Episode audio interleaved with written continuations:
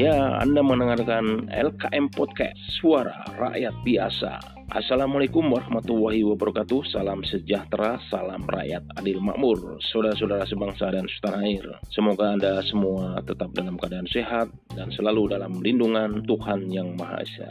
Di negeri ini Iya, kita bicara soal politik ya Dengan perspektif politik rakyat biasa. Saudara-saudara sebangsa tanah air bahwa Indonesia kini telah memasuki masa-masa di mana kesenjangan sosial, kesenjangan ekonomi semakin menganga semakin merajalela. Meski pertumbuhan ekonomi diumumkan oleh pemerintah telah mengalami peningkatan, tapi pada kenyataannya ketimpangan ekonomi, ketimpangan kehidupan sosial antara si kaya dan si miskin masih terus menganga. Ini yang harus menjadi catatan. Sehingga bangsa kita bisa atau pemimpin kita atau elit politik kita, negara bisa menyusun kebijakan-kebijakan yang berbasis pada kondisi objektif kehidupan masyarakat, bukan berdasarkan asumsi-asumsi ekonomi yang memang sedang yang berlaku saat ini adalah mazhab ekonomi kapitalis. Nah, dalam konteks konstitusi sebenarnya Indonesia telah mempunyai landasan yang konkret soal penyusunan pembangunan ekonomi nasional yaitu pasal 33. Dengan melaksanakan pasal 33 secara konsekuen, tidak direkayasa, tidak dimanipulasi, saya kira Indonesia bisa menjadi negara yang mandiri secara ekonomi dan tidak tergantung pada kepentingan-kepentingan asing atau arahan-arahan lembaga keuangan internasional dan dan juga negara-negara yang memberi utang pada negara kita. Negara kita adalah negara yang kaya raya kan sumber daya alam. Sudah-sudah sebarang air pasti sudah tahu. Tidak ada yang memungkiri bahwa bumi Nusantara ini mengandung banyak ribuan mineral yang bisa berguna untuk kehidupan manusia di masa datang. Yang menjadi persoalan adalah negara kita, pemerintah kita tidak dengan segera memanfaatkan itu melalui peningkatan-peningkatan riset, pendidikan, dan penciptaan teknologi-teknologi yang bisa mengolah atau teknologi-teknologi yang bisa digunakan untuk mengelola sumber daya alam secara mandiri oleh anak bangsa. Yang ada sekarang adalah proyek-proyek infrastruktur, proyek-proyek investasi dibuka seluas-luasnya untuk investasi asing, untuk perusahaan-perusahaan asing, korporasi asing yang diberi hak untuk mengeksploitasi sumber daya alam kita ini dengan berbagai bungkus regulasi undang-undang segala macam pada akhirnya rakyat dipertontonkan di mana sumber daya alam kita disedot habis-habisan dan sebagian besar keluar ke negara-negara asal korporasi-korporasi tersebut. Negara kita dapat apa? Hanya dapat konsesi saja, sekian persen saja. Ini artinya sebenarnya sudah mengingkari pasal 33 saudara-saudara sebangsa tanah air. Masa reformasi sudah bergulir dengan berbagai pemerintahan yang silih berganti tanpa ada perubahan. Watak dan jiwa pemerintahan sejak awal reformasi hingga sekarang adalah watak neoliberal. Kebijakan-kebijakan dan regulasi-regulasi justru mempermudah arus liberalisasi masuk ke Indonesia, memasuki sendi-sendi ekonomi politik dalam negeri sehingga kebijakan-kebijakan makin jauh dari Pancasila, jauh dari amanah Undang-Undang Dasar 45, jauh dari mensejahterakan rakyat. Boleh saja pemerintah mengatakan bahwa apa yang mereka lakukan adalah demi kesejahteraan rakyat. Tapi pada kenyataannya, rakyat masih banyak yang sengsara, rakyat masih banyak yang susah makan. Kalaupun hidup seperti buru-buru, hidup ya dibiarkan biarkan hidup saja sewajarnya, tapi tidak bisa menikmati hidup sebagai manusia yang layak. Mereka hanya hidup hanya untuk bekerja demi keuntungan perusahaan-perusahaan yang memakai tenaga kerja mereka. Tapi apakah bisa mensekolahkan anaknya secara tinggi, cara mudah? Hanya sebagian kecil yang dapat. Itu pun kalau ada keberuntungan-keberuntungan bukan dari hasil pekerjaannya. Itu artinya apa saudara-saudara sebangsa tanah air? Ada yang salah dalam pengelolaan pemerintahan dan negara ini. Sejak reformasi silih berganti pemerintahannya tapi tidak membawa perubahan yang signifikan. Yang terjadi hanya pergantian kekuasaan. Tapi demokrasi dan esensi politik yang dijalankan oleh pemerintahan pada masa reformasi itu masih sama yaitu masih menganut mazhab ekonomi kapitalisme. Jadi malah justru sejak awal informasi arus liberalisasi di Indonesia ini makin kencang di segala bidang justru. Bahkan deregulasi kemudian privatisasi itu terus merajalela sehingga kehidupan ekonomi politik di Indonesia makin tidak stabil. Ya stabil stabil ala, kadarnya saja tapi kesenjangan ekonomi terus menganga dan semakin uh, merajalela seharusnya dalam masa reformasi kalau itu dijalankan sesuai dengan amanat Undang-Undang Dasar 45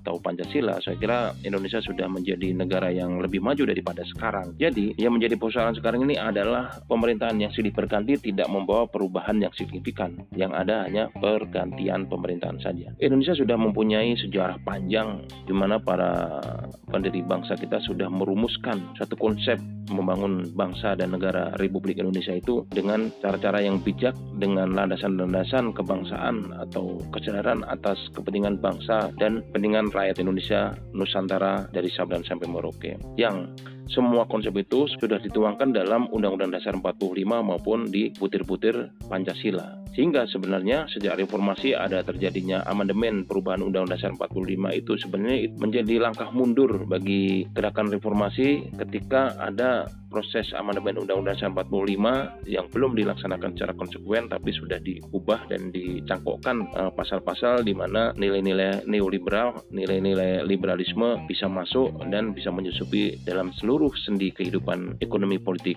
rakyat Indonesia atau bangsa Indonesia. Artinya demokrasi yang berlaku sejak awal reformasi demokrasi ala oligarki. Demokrasinya ada demokrasi semu, demokrasi prosedural, demokrasi barat yang saya kira bertentangan dengan falsafah bangsa kita yang mengedepankan musyawarah, keterwakilannya adalah keterwakilan atas dasar gotong royong, kemudian kerjasama, saling menemukan dan mencari solusi atas dasar kesepakatan bersama, bukan atas dasar kepentingan-kepentingan tertentu. Nah sekarang ini demokrasi sudah dibajak oleh oligarki. Oligarki itu adalah anak kandung neoliberalisme, anak kandung kapitalisme yang menginginkan sistem politik itu bisa dalam kendali mereka, dalam kendali oligarki, dalam kendali modal, sehingga sehingga proses eksploitasi kekayaan, eksploitasi keuntungan yang didapatkan di negeri ini itu bisa berlangsung lebih masif lagi dan tidak mempedulikan nasib rakyat. Rakyat hanya dihidupi seala kadarnya, rakyat dibiarkan dalam kehidupan yang sangat minim, kemudian dipatasi ini dan itu sehingga oligarki itu mampu membawa suasana demokrasi itu sesuai dengan keinginannya. Misalnya dalam pemilu itu yang terjadi adalah demokrasi transaksional. Nah, demokrasi transaksional itu bisa berlangsung Kenapa? Karena situasi kehidupan masyarakat yang serba miskin, yang serba susah ini akan sangat gampang sekali diiming-imingi atau dimanipulasi melalui praktek-praktek transaksional melalui money politik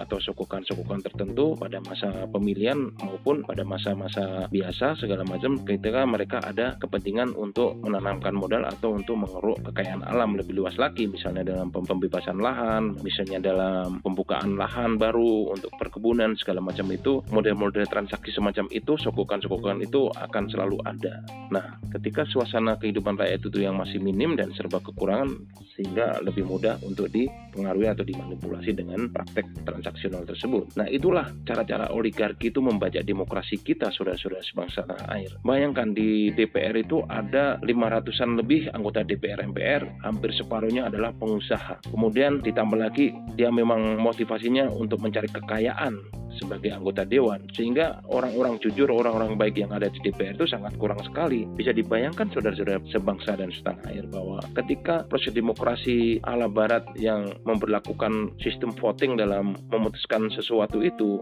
siapa yang menang? Orang-orang baik orang-orang jujur sudah pasti kalah gitu. Negara dan pemerintahan ini dibangun bukan di atas dasar nilai-nilai Pancasila maupun amanat Undang-Undang Dasar 45 seperti yang dimaksud oleh para pendiri bangsa kita. Itu saja ini harus diubah oleh generasi atau oleh pemimpin-pemimpin di masa depan yang akan memimpin Indonesia ini. Jika tidak ingin Indonesia ini makin bangkrut dan hanya sebagai pengikut ataupun hanya menjadi subordinat negara-negara atau bangsa asing. Kita tidak membenci pemerintah, kita tidak membenci negara, tapi kita membenci sistem yang diperlakukan untuk mengelola pemerintahan dan negara ini, saudara-saudara sepadan air. Indonesia harus dibangun oleh tatanan di mana unsur-unsur kebangsaan kita harus terakomodir dan bisa menjamin hak-hak rakyat secara penuh, mulai dari unsur nasional, unsur keagamaan, unsur keumatan, maupun unsur-unsur kerakyatan yang harus dibangun dalam tatanan demokrasi yang betul-betul sesuai dengan Pancasila dan Undang Dasar 45, bukan demokrasi yang dikangkangi atau diatur oleh oligarki.